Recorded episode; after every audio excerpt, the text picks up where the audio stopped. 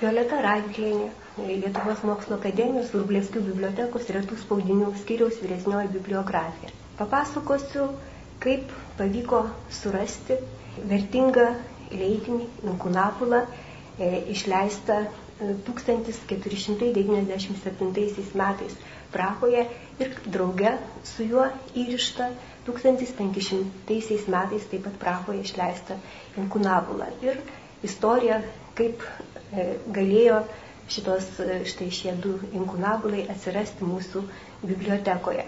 Retų spaudinių skyriuje draugė su senosios periodikos sektoriumi yra saugoma beveik pusę milijono dokumentų. Jie yra suskirstyti į vairius fondus ir savo laiku tai buvo vis, visa informacija apie tai, ką mes saugome tik tai katalogo kortelėse, o dabar tai, ką mes turime, jau ne vienerius metus atskleidžiame ir įrašydami į elektroninį katalogą. Šiuo metu jau baigiamas tvarkyti memorialinis e, akademiko Konstantino Jablonskio fondas. Jame yra beveik 9000 leidinių. Už šio fondo tvarkymą atsakinga kolegė Danguolė Palačionytė ir ji tvarkydama tuos štai leidinius atnešė vieną knygą ir pasakė, kad neaišku, kas čia yra, nes katalogo kortelėje, o Konstantino Jablonskio, akademiko Konstantino Jablonskio knygų korte, katalogo kortelės buvo laikomos tik tai e, Vrublevskių bibliotekos Tado Vrublevskio skaitykloje ir ne, ne visi žinojo tiesiog kur ieškoti. Tai toje katalogo kortelėje nebuvo jokių duomenų. Iš tikrųjų buvo parašyta tik tai, kad tai yra knyga be, be išleidimo, e, be, ne, su nežinoma e, vieta, kur, kur išleista, be metų, ne, nebuvo pavadinimo tiesiog e, kažkoks neaiškus dalykas. Ir pasižiūrėjome, mes štai šitą knygą, matosi, kad knyga yra sena, e, likę yra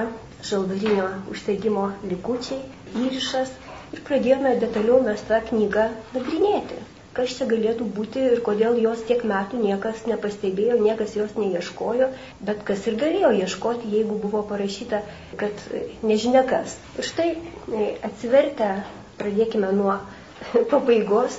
Atsivertę tos e, knygos viršelio vidinę, štai čia pusę, matome užrašą, kad ėmė Pragė ir užrašyti metai. Tai reiškia, lotynų kalba parašyta, kad pirkau Prahoje 1722 metais. Įklijuotas herbas yra.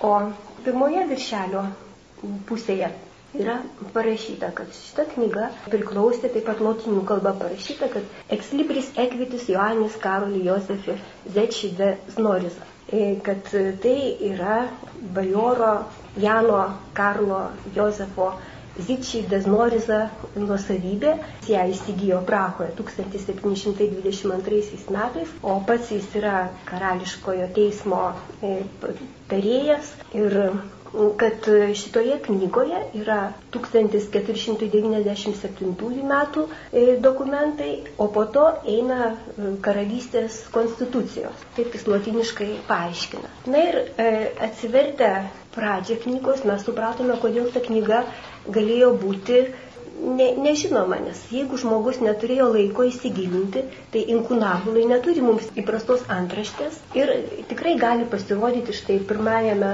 lape nieko nėra, prasideda iš karto tekstas kaip mes sakytume, nuo antrojo puslapio ir galima buvo tikrai palaikyti, kad tai yra e, na, defektuota e, knyga. Ir paskui pasižiūrėjus kolegė Danguolė sako, kad čia tikriausiai yra čekų kalba ir iš tikrųjų pats pirmas sakinys jau svolenės nėmų ir aiškiai parašyta čia skiego. Taigi supratome, kad mes čia turime ieškoti dokumentų čekų, čekų kalba išleistų Čekijoje ir kad tai turėtų būti inkunabulas, nes šone rašulų rudu ir yra parašyta 1497 metai. Suprantama, kad kai memorialinis akademiko Konstantino Keblonskio fondas galutinai buvo suformuotas, tai buvo 1968 metais. Tuo metu į Prahą lengviau išleksėjo sovietų tankai, o ne bibliografai, kurie galėjo ieškoti duomenų, o tokių pagalbinių šaltinių čia nebuvo. Taip ta knyga ir sulaukė geresnių laikų. Visai, kita, visai kitaip susiklostė mums.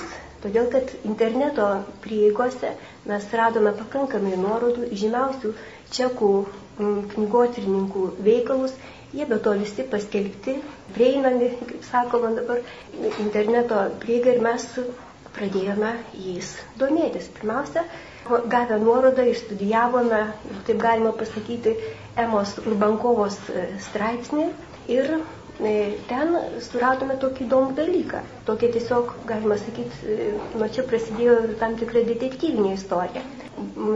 Supratome, kad tai jos buvo paminėta, kad čia yra Čekijos Seimo dokumentai, kad šitas to paties, kad šito leidinio dabar niekas neturi, kad neaišku, kuris yra, bet jis buvo ir kad paskutinį kartą apie tą leidinį žinių buvo, buvo apie paskutinį kartą apie tą leidinį buvo parašyta 1820 metais išleistoje knygoje, mes ją turime savo fonduose, tai būtent, galima sakyti, panslavisto, slavofilo, lenkų mokslininko daugiausiai jisai domėjosi žemdirbystę, bet taip pat ir istoriją. Tai jo išleistas į lenkų kalbą išverstas e, teisinas rusų tiesa. Tai yra senieji rusų teisino e, dokumentai, kurie rusų teisinas turėjo šiek tiek įtakos ir Kazimiero teisinui, ir statutui. Tai štai galima suprasti ir kodėl tas e, teismo tarėjas ir įsigijo inkunabulą. Ir mes savo fonduose suradę šitą knygą, suradome nuorodą ir kaip tik čia e, tai yra Ignacijus Benediktas Rakovieckis, tas e, panslavistas, tai pažymė čia štai pastabose parašyta, nes jis lygino e, įvairias slavų istoriją, kultūras, pažymė, kad jisai šitą knygą jam ta knyga leido pasinaudoti 1820 e, metais Varšuvoje senatorius e, Novosilcevas, Nikolajus Novosilcevas. Ir kad tai esanti labai reta knyga, todėl jisai pacitavo pradžią šito štai inkunabulo. Ir mes palygnome, kad taip tikrai tekstas e, tas ir čia galėtų būti šitas atsirasti tokiu būdu inkunabulas. Po to dar e, suradome duomenų, kad 18 amžiuje vienoje ta inkunabula turėjo e, bent jau pirmąjį, čia mes turime konvoliutą, bent jau pirmąjį turėjo Rozentą archivaras, bet neaiškus jo likimas ir niekas toliau nespėliojo, kur galėjo, kur galėjo dinkti e, šitas štai, šitas štai knyga. Tada pradėjome domėtis, ar iš tikrųjų mes galėjome surasti prieš 200 metų paminėtą knygą?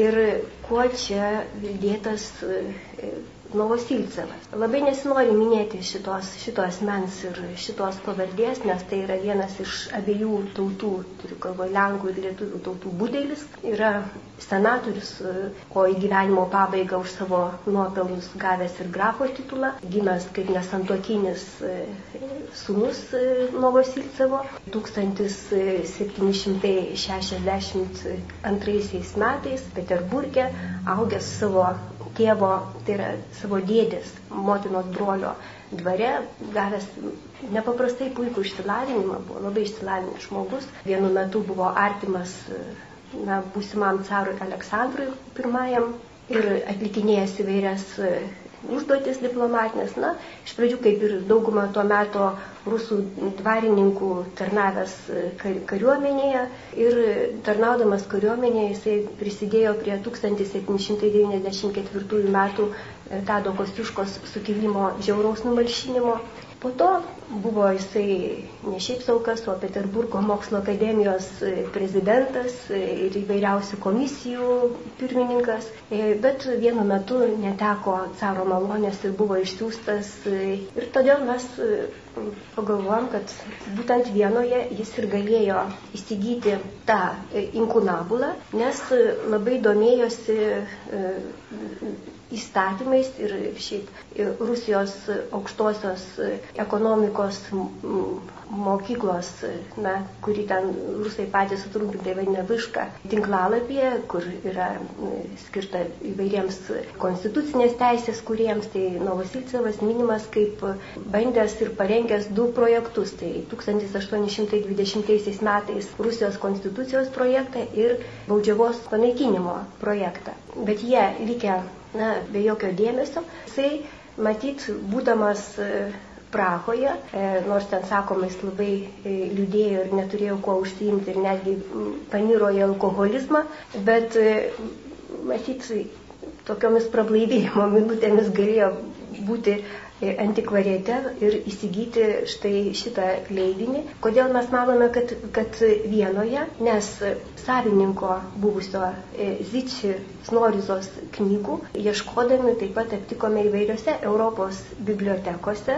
Ir vienas ir paminėjimas buvo ypatingai įdomus, nes aptikome, kad štai, nu, kad Odesos universiteto bibliotekoje, o jinai įsteigta kaip imperatoriškasis Novorosisko e, universitetas, XIX amžiaus viduryje, kad jisai turi knygą su štai proveniencija iš minėto bajoro, bet tą knygą e, yra įsigijęs Lenkų istorikas profesorius Hubė, kuris dirbo tame, tame universitete, būtent vienoje. Tie visi, kaip sakoma, jeigu keliai veda, veda į vieną. Vadinasi, bajoras Snoriza buvo didelis bibliofilas, turėjo sukaupęs nemažą biblioteką ir labai tikėtina, kad jam mirus, jog tiesiog knygos, jog kauptos knygos buvo na, išparduodamos, sakykime, vienoje ir iš ten pateko į įvairias Europos bibliotekas, tiek į privačias, tiek į rankas, tiek ir į mokslo institucijas, nes, pavyzdžiui, viena e,